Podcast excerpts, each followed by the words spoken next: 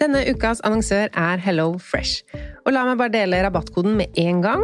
Gå inn på hellofresh.no og bruk fresh penge. Da får du opptil 1779 kroner rabatt. Og i dag tenkte jeg å snakke om matplanlegging ut ifra et hva vil jeg egentlig putte i kroppen min-perspektiv.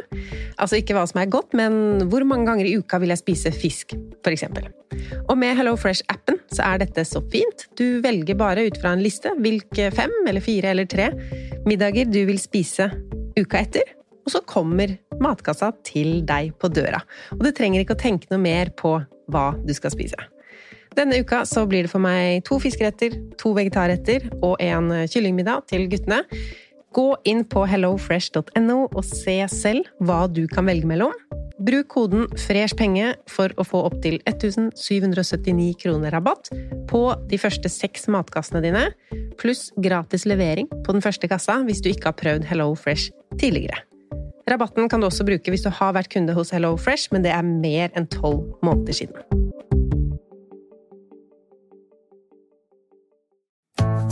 Har du et enkeltpersonforetak eller en liten bedrift? Da har nok Eller vent, sa du nei? Du vet at fiken også gjør det enkelt å starte din egen bedrift? Fiken superenkelt regnskap. Ja, og hjelp til å starte egen bedrift, da. Velkommen til Kjemperådet! Hey! Vi har fått inn et kjempenytt problem fra en mor. Jeg leser. Yes. Hei, jeg har en datter på 11 år som vurderer å slutte med orientering. Hun elsker jo å løpe, men finner aldri veien. Og jeg må sitte så lenge i bilen og vente.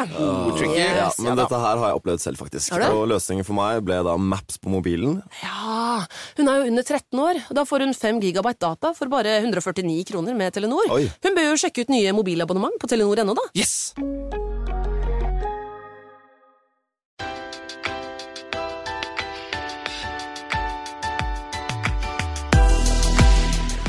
Hallo og god morgen! I dag skal det handle om budsjett her i Peggestakk podkast. Og det første jeg da må dele med dere, det er at jeg ikke bruker budsjett selv. Men det kan hende at jeg får overtalt meg selv i løpet av denne episoden. Rarere ting har skjedd før. Eh, Jeg heter forresten Lise. Jeg driver denne podkasten og bloggen Pengesnakk. Neste uke så har jeg noen eh, ganske store nyheter å dele med deg. Så sørg for at du abonnerer på podkasten og er klar til å høre på neste uke også. Du kan også gå inn på pengesnakk.no, og så øverst der i de fanene så står det Bli med. Trykk på Bli med der, så får du en e-post av meg hver gang det skjer noe spennende, gøy, eller jeg har noen spesielt nye sparetips å dele med dere. Men budsjett. Det er to sider ved det her å ha budsjett. Og det ene er å lage det, og det andre er å følge det. Og altså, budsjett er jo planen for hva pengene dine skal brukes til.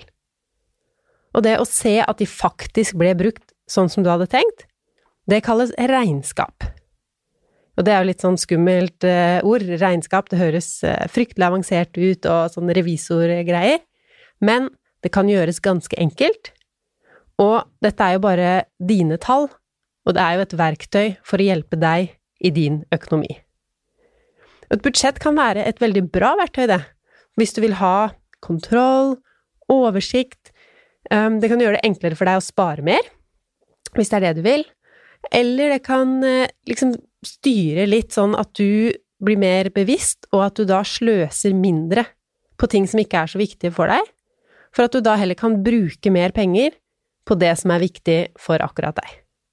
Jeg skal forklare litt mer teknisk etterpå hvordan du går fram, men du kan jo velge å gjøre det her veldig enkelt, eller du kan gjøre det litt mer omfattende. For et budsjett er, som jeg sa, en plan for hvordan du skal bruke pengene dine. Og det handler jo om da hvilke penger som kommer inn, hva du skal bruke, og hvor mye du skal spare. Og sånn når vi, det tenkte jeg på i stad, når vi bruker ordet budsjett sånn til vanlig, så bruker vi det kanskje litt feil. Og det er kanskje derfor vi også tenker på budsjett som noe kanskje litt negativt og kjedelig og skummelt. For um, typisk når folk skriver en eh, sak om meg, da, så kan det stå 'Slik er livet på budsjett'. Eller hvis man skal um, reklamere for noe som er billig, så kan det stå sånn 'budsjettfunn'. Men det å ha budsjett, det er jo bare å ha en plan. Det betyr ikke at du skal leve sparsomt, Og man kan også leve veldig sparsomt uten å ha budsjett. Altså, et budsjett betyr bare en plan for pengene, og så er det du som lager den planen. Så du kan jo bestemme da at du vil bruke 12 000 kroner på klær denne måneden, du vil bruke 3000 kroner på kafé, 7000 på spa, altså hvis du har lenge, så, så lenge du har nok penger inn, og har lyst til å prioritere sånn, så er det helt opp til deg. Så poenget med det eksempelet var kanskje at et budsjett trenger ikke å være noe negativt, noe som er begrensende, eller noe som tar liksom, livsgnisten ut av deg, selv om det ordet budsjett kan føles litt sånn. Du kan lage deg et luksusbudsjett, eller et lavbudsjett, ikke sant? Eh, men hvorfor skal man i det hele tatt ha det? Det er jo for å få oversikt. Eller egentlig så er regnskapet for å få oversikt. Budsjettet er for å bruke pengene dine mer i tråd med hva du har lyst til å bruke dem på. Og det er jo noe fint. Så hvorfor har ikke jeg budsjett, da? Um, hvordan skal jeg svare på det uten at det kanskje høres arrogant ut? Um, jeg har ikke budsjett fordi jeg ikke føler at jeg trenger det. Nå skal vi jo se framover, da, for det er jo mye som har endra seg i min økonomi siden i sommer. Så kanskje at et budsjett bør inn i min hverdag også. Men jeg har liksom jeg, har, jeg bruker lite penger, jeg sparer mye, og jeg føler at det um, At jeg trenger ikke en ekstra grad av kontroll, som det da et budsjett og regnskap er, fordi jeg allerede har akkurat den økonomien jeg ønsker å ha, da. Og for din del, um, om jeg anbefaler deg å ha et budsjett, det er egentlig veldig mye opp til deg. Det jeg uansett anbefaler alle, er å prøve 30 dager med forbruksliste Skriv opp alt du bruker penger på i 30 dager. Hvis du gjør det og digger det, så er budsjett for deg. Hvis du gjør det og finner ut at ok, denne disiplinen trengte jeg, jeg sparer litt penger, eller eh, hvis du fant ut at du bruker en del penger på ting som du ikke visste, da er budsjett for deg.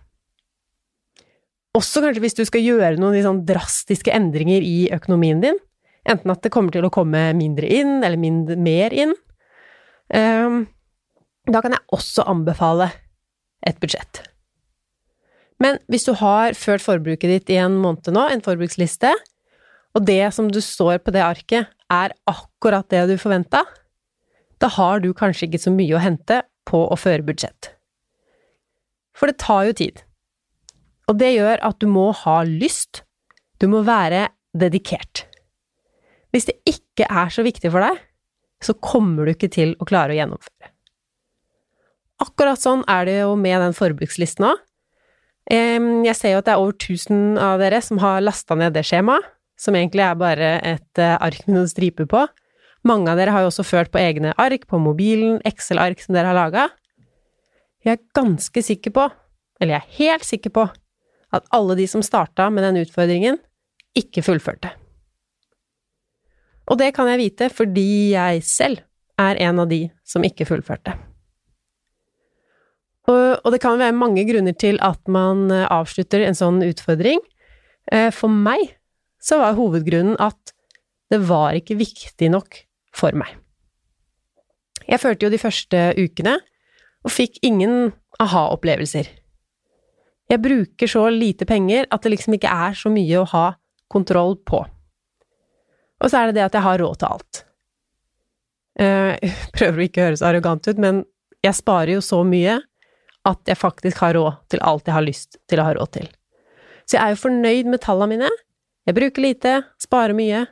Så jeg tror ikke at føring av budsjett og regnskap ville utgjort en veldig stor forskjell i mitt liv. Så noen sier jo at man må ha et budsjett for å kunne ha kontroll på økonomien, eller for å ha en god økonomi. Det er feil. Du må ikke ha et budsjett. Det jeg har hatt de siste åra, er jo noe som jeg har hørt blitt kalt antibudsjettet. Det er kanskje litt ekstremt, fordi det betyr ikke anti at det er det omvendte uh, av å ha et budsjett. Um, for det er jo også å ha oversikt, eller i hvert fall en plan for pengene. Det er bare mye mer overordna og mye mindre detaljert. Sånn min økonomi har vært de siste årene, har jo vært sånn at jeg får ca. 30 000 kroner i lønn som jeg har tjent, og så sparer jeg 20 000, og så kan jeg bruke de 10 000 som er igjen, som jeg vil. Og det fungerte jo fint, og jeg fikk spart veldig mye på den måten. Så det kan jeg anbefale også, å um, spare helt først i måneden. Når en gang det kommer inn penger, fort deg å spare med en gang, så er det gjort, og så kan du bruke resten som du vil. Og det gjelder jo egentlig uansett om du da har et detaljert budsjett, en plan for resten, eller hvis det ikke spiller noen sånn kjempestor rolle på hva som går til hva, bare at du ikke bruker mer enn det du har, så går jo det fint. Men nå skulle jo denne episoden handle om budsjett. Som sagt så skulle jeg gjøre det ganske teknisk, sånn at dere får mest mulig konkrete tips og råd. Og så mot slutten så skal jeg ta opp noen ting dere delte med meg i den fantastiske gruppen på Facebook som heter Pengesnakkerne. Ehm, hvis du ikke har meldt deg inn i den, Pengesnakkerne på Facebook, så vil jeg påstå at du går glipp av noe. I hvert fall hvis du er interessert i økonomi, sparing, og det tenker jeg du er, siden du har satt på Pengesnakk podkast. i gruppa så kommer det opp så mange fine økonomiske temaer. Dere tipser hverandre om strømavtaler, BSU, arv, sparing, fond… Alt mulig pengerelatert. Og vi er jo 5000 mennesker der inne nå. Og det er veldig gøy hvordan Altså vi kan bidra så mye inn, positivt, i hverandres økonomi ved å dele der inne. Men budsjettet, da. For å lage ditt første budsjett, så må du sette av litt tid. Og helt øverst på arket Jeg er jo, som dere vet, en sånn papir- og pennperson. Kan også gjøre dette i Excel. Eh, faktisk, når det gjelder regnskapet, så vil jeg også ha det i Excel. Det er fint å ha det elektronisk.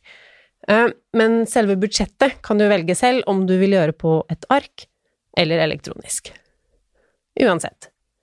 Det første du fører opp, det handler om penger som kommer inn. Skriv opp hvor mye du regner med å få inn i løpet av de neste 30 dagene, altså den neste måneden. Hvis du har flere inntekter, så tar du én linje for hver av dem, og så summerer du på en egen linje totalt inn.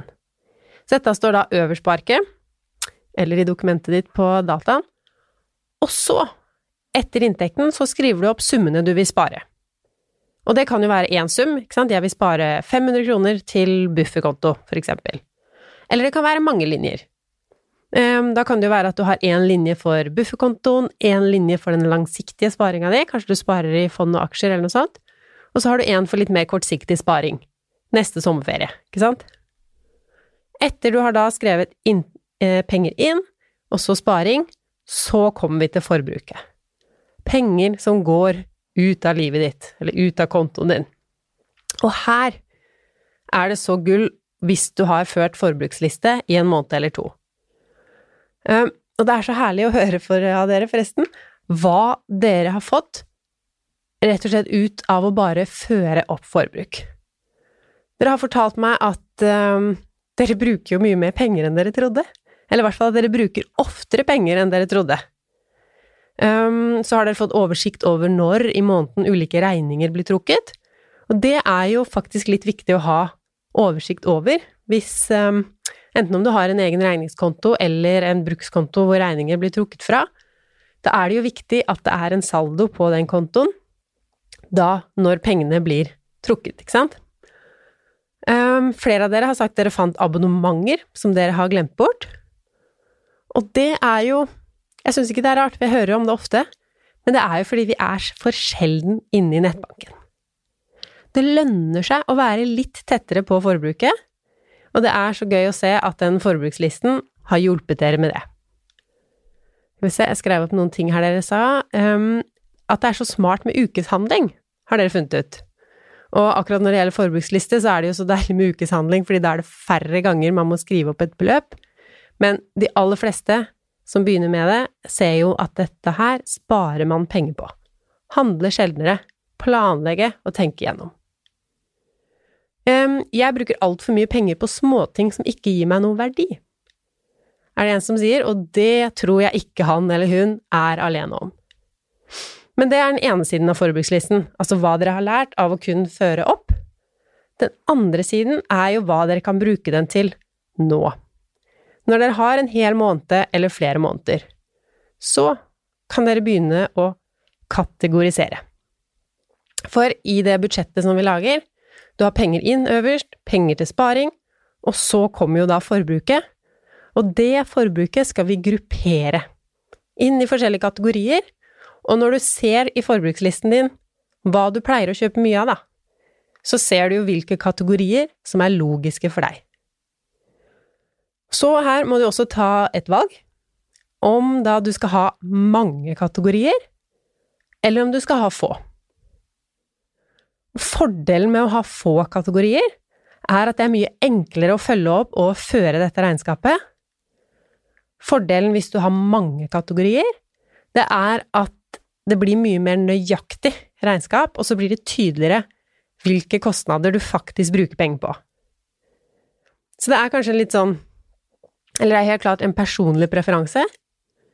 De gangene jeg fører opp og grupperer ting, så har jeg mat som én kategori. Eh, men jeg veit at mange har da mat som de spiser hjemme, det er én ting, mat på butikken. Og så er det mat på farta, take away. Eh, og så er det mat på restaurant. At det kan være tre forskjellige kategorier. Eh, jeg har det som én kategori, fordi da blir det så tydelig for meg hvor mye det koster å spise ute. Når jeg har restaurantbesøk i samme post som å handle på butikken, så ser jeg jo det at hvis jeg spiser på restaurant, så bruker jeg jo like mye penger som jeg kunne ha brukt på en hel uke med dagligvarer. Uh, og hadde jeg hatt det som forskjellige poster, så hadde jeg kanskje ikke tenkt på den uh, uh, fordi de pengene jeg bruker på restaurant, det blir jo bare ett måltid.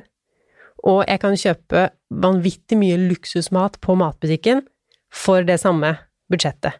Og kanskje få nok til enda flere måltider, ikke sant? Um, en annen ting det med mat er jo at jeg fører inn da alt som jeg har kjøpt på Coop eller Kiwi eller hvor jeg nå har handla, som mat. Men jeg vet jo at av og til så har jeg kjøpt dopapir eller et eller annet som ikke faktisk er mat. Men fordi jeg ikke gidder å sitte med hver kvittering og da luke ut om jeg har kjøpt et eller annet som ikke er mat, så bare kaller jeg alt for mat. Kanskje jeg burde kalt den posten for mat og dagligvarer, da. Eh, en, en ting som jeg vil eh, anbefale dere, det er at ditt første budsjett er bare for én måned. Det er for neste måned framover. November, hvis du starter nå, da. Så ikke tenk at det første oppsettet du nå lager, det er sånn du skal bruke pengene dine hver måned de neste årene, ikke sant? Det, den første måneden med budsjett, bare lag for én måned. Fordi um, du kommer jo til å feile, du kommer til å se at uh, det var ikke så lurt å ha det sånn, jeg vil ha flere kategorier, eller jeg vil ha færre kategorier. Uh, altså, i starten så gjelder det bare å komme i gang. Så ikke tenk noe lengre fram enn akkurat for neste måned. Fordi også at neste måned så er det mye lettere å tenke seg fram til, eller finne fram til, hvilke utgifter du skal ha. Det er mye lettere å vite hva du skal bruke de neste 30 dagene, enn hva du skal bruke i mars eller september neste år, ikke sant? For alt skal jo med. Når du skal lage et budsjett og seinere skrive regnskap, alle utgifter skal med. Og noen av de veit du allerede? Du vet kanskje hva du har i husleie, hvor mye du betaler på ulike gjeld du har, um, hvor mye internett koster i måneden, TV, um, treningssenter hvis du har sånne ting, uh, barnehage, forsikringer Sånne faste summer, de er jo lette å sette opp. Du budsjetterer med en sum, og så skal det jo veldig mye til at da ikke regnskapet blir helt likt. Men så kommer det variable utgifter. Og det er jo da som klær, mat, hudpleie Da må du bare gjette, eller anslå, da. Og det får du god hjelp til fra forbrukslisten fra forrige måned. Hvis du ikke har skrevet en forbruksliste, så kan du gå inn i nettbanken, se bakover, hva har jeg brukt penger på, Og ut ifra det, da, hvis du ser at i forrige måned brukte du 8000 på mat, måneden før det er kanskje 7000, så kan du sette 7500 eller 8000. Um, det du også kan se på mens du er inne i nettbanken, det er å se framover.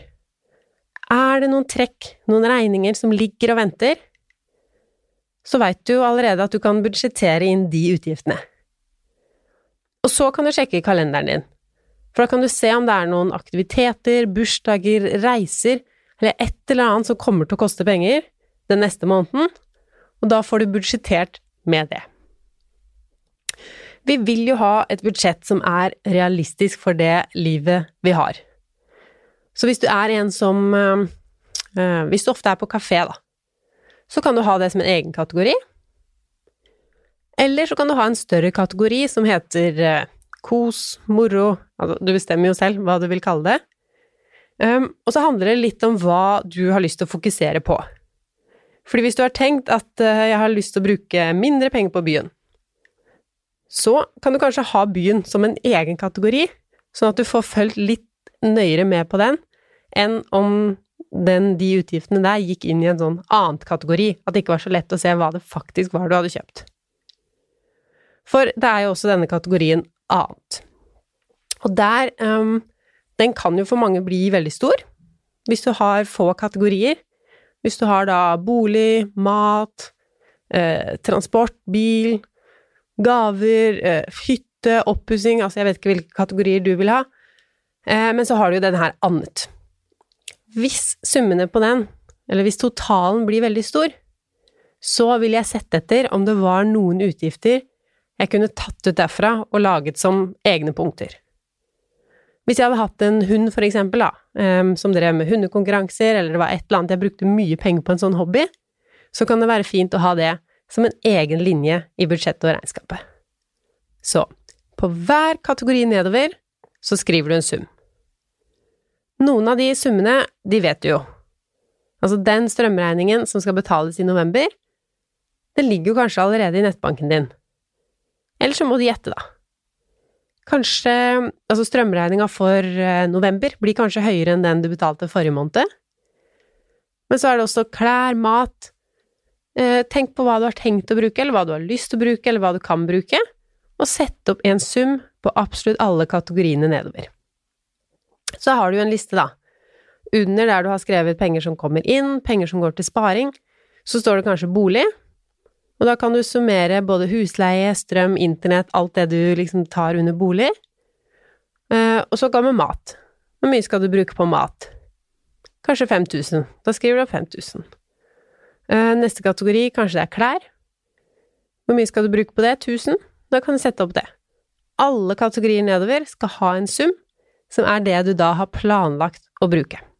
Jeg vil anbefale deg å ikke gjøre budsjettet så veldig trangt første gangen, fordi da kan du ende opp med å hate hele budsjettet ditt. Og det vil jeg ikke at du skal gjøre, så sett opp realistiske summer. Og så kan du jo se på inntektene. Eh, fordi inntektene og så minus alle utgiftene og minus sparinga, det skal bli null. Helt nederst på budsjettarket ditt så skriver du tallet null. Og det er fordi vi vil at budsjettet skal gå i null. Inntektene minus sparing minus forbruk, det skal bli null. Og hvis de summene på sparing og forbruk er større enn inntektene, da, da har du noen valg. Da kan du enten prøve å øke inntektene, det er jo kanskje litt vanskelig på så kort sikt, du kan velge å spare mindre, eller du må stramme inn på noen av postene. Du må legge en plan for et lavere forbruk hvis den planen du har lagt gjør at forbruket er større enn de pengene som kommer inn.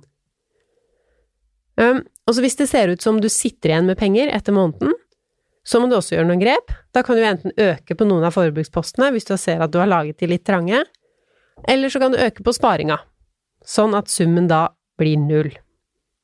Så dette budsjettet, det kan du jo sånn holde på med litt fram og tilbake helt til du blir fornøyd. Ha realistiske beløp.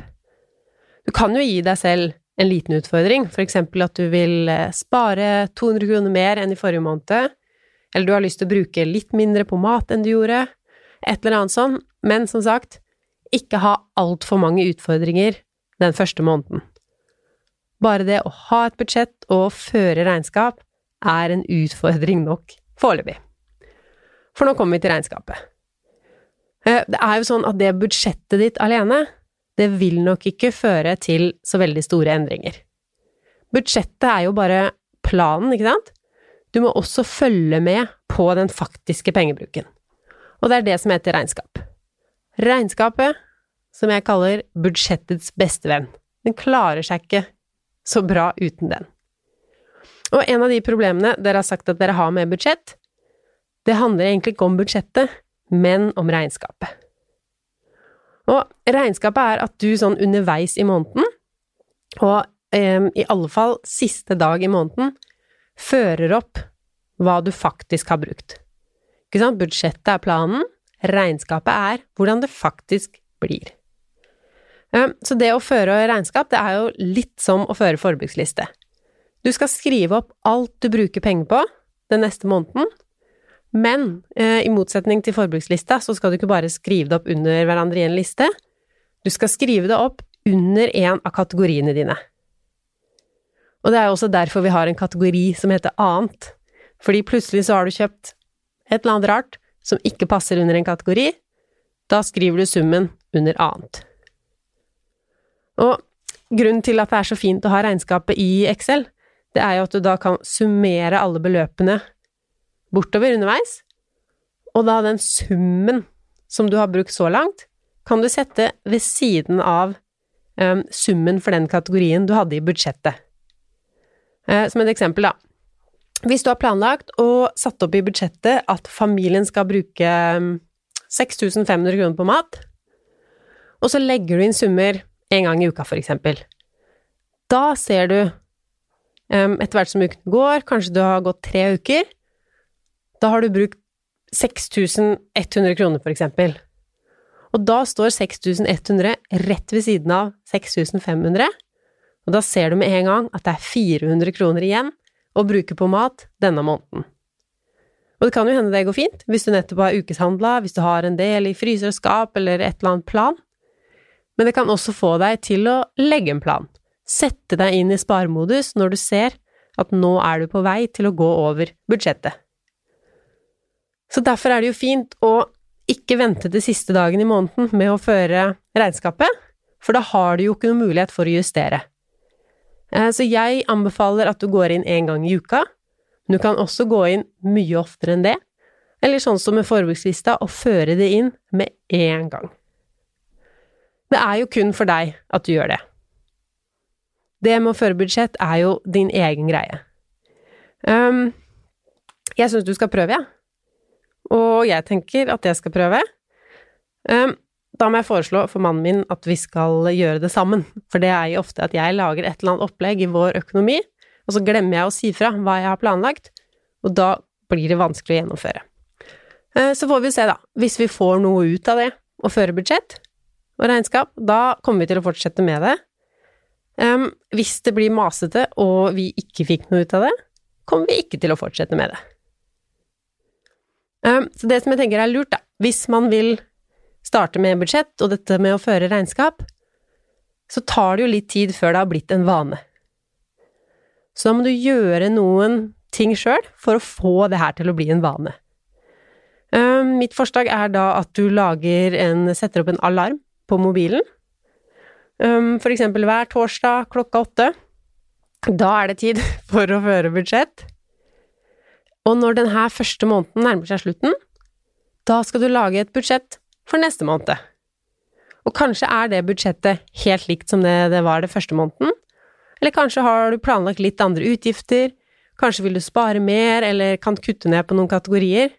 Det er helt opp til deg. Men jeg tror det er veldig smart å begynne med bare én måned om gangen nå i starten, før du lager et budsjett for hele året. Eh, nå skal jeg se litt på tingene fra hva dere har sendt inn her, skal vi se. Den første, det handler om variable utgifter. Eh, for det er en som sier det er ikke hver måned jeg bruker penger på for eksempel sjampo, hudpleie eller vaskeprodukter. Og så er det en, dette kommer fra gruppa Pengesnakkerne, så er det en som svarer at de månedene du ikke kjøper sjampo, Kanskje du kjøper støvsugerposer, og sånn sett vil ting kanskje jevne seg ut over et år. Eh, og akkurat det tenker jeg også, og det er jo egentlig det jeg opplever selv, at det hva jeg har kjøpt hver måned, det varierer jo veldig. Men allikevel så havner jeg på et eller annet vis alltid rundt 10 000 kroner i forbruk. Um, hvis det ikke er noe helt spesielt, at vi har pussa opp eller dratt på ferie eller noe sånt. Så kanskje du må ha et mindre detaljert budsjett. Altså at du ikke har én post for hudpleie, for eksempel, men noe som heter diverse eller annet. For det er jo kanskje vanskelig å vite hvor stor den posten skal være. Annetposten.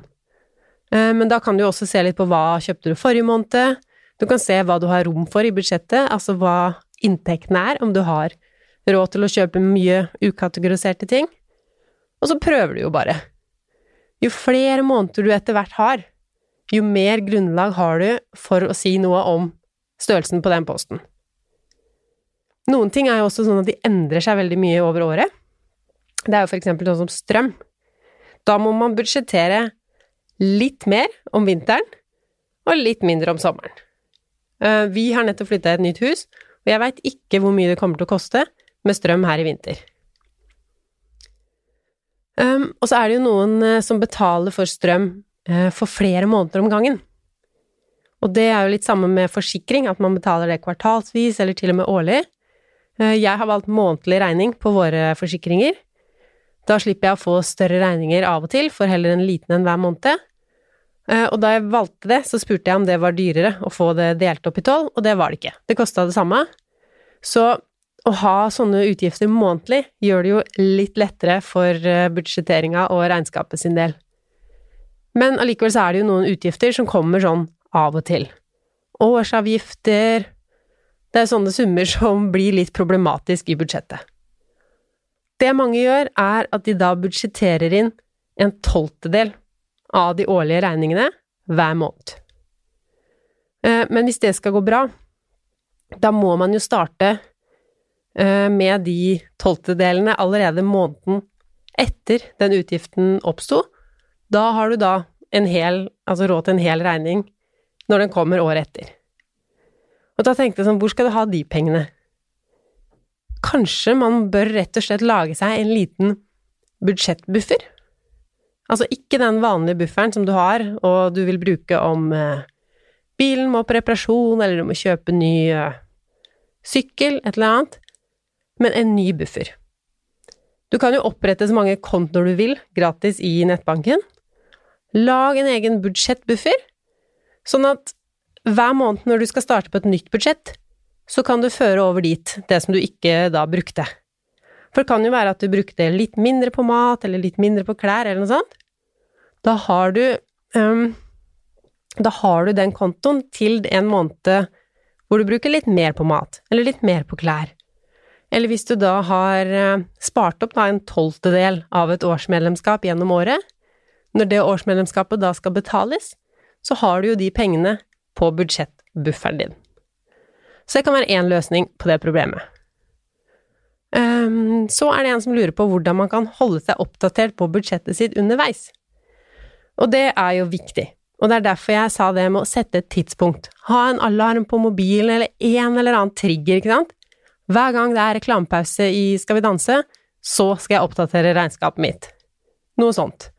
En gang i uka tenker jeg er passe, men det velger du jo helt selv. Eh, jeg og Tom pleier jo å gå gjennom utgiftene våre en gang i halvåret. Da er det litt vanskeligere å huske hva alle småsummer har blitt brukt til. Eh, en av dere sier at det er tricky å sette seg et mål. Hvor mye bør jeg klare å spare, og hva skal man si seg fornøyd med? Jeg ville jo tenkt at det første målet, det er bare å bruke budsjett og regnskap. Så kan du lage deg mer um, mål for pengene etter hvert. En annen ting du kan gjøre, er å gå inn på det SIFO-budsjettet, Statens institutt for forbruksforskning, dette referansebudsjettet. De har en sånn kalkulator, hvor jeg liker å se på matbudsjettet der. Um, det er ikke noe luksus de legger til grunn, men da ser du hva som er mulig. Og så kan du se på totalsummen for en person på din alder, eller en familie på deres størrelse. De kategoriene kan du jo velge litt selv hva du vil bruke pengene dine på, men da har du i hvert fall et utgangspunkt. Eh, Noen har jo som mål bare det å bruke mindre enn det som kommer inn. Det jo et fornuftig mål. Um, andre har jo som mål å spare mye og bruke mindre på spesifikke kategorier, ikke sant? Um, mitt mål er vel da å bruke maks 10 000 kroner i tillegg til boliglånet. Kanskje litt under. Hørtes det mye ut, eller? Um, nå kjenner jeg at jeg gleder meg litt til å faktisk følge med på hva jeg bruker penger på, litt tettere. Plutselig blir jeg en eh, budsjettforkjemper, kanskje. Um, det vil tiden vise. Noen av dere har anbefalt en app som heter Buddy. Det finnes mange apper, jeg har ikke sjekka ut akkurat den der. Um, så er det en annen her som synes det er utfordrende å få lønn midt i måneden. Um, ja. Det du kan gjøre da, er jo å ha et budsjett fra midt i måneden til midt i måneden. Det er jo du som bestemmer det selv. Eller så kan du ta fra første uansett. Uh, og det tror jeg jeg kommer til, fordi jeg tenker at det er smart å bruke penger likt hele måneden. Ikke at det er sånn at den første uka etter lønn, så bruker du masse, og den andre uka må du bruke litt mindre, og så litt mindre, og så bruker du aller minst uka før lønn. Jeg er jo på en måte like sulten alle ukene i en måned, og prøver å koble litt vekk fra når penger kommer inn, men å bruke pengene riktig for akkurat deg, uansett når i måneden det er. Um, et siste spørsmål her. Uh, hvordan gjør man det med kredittkort? Jeg bruker Trumf Mastercard til alt av innkjøp på grunn av bonusen, men når regningen kommer måneden etter utgiftene, skaper det litt kaos i hodet mitt for budsjett og regnskap.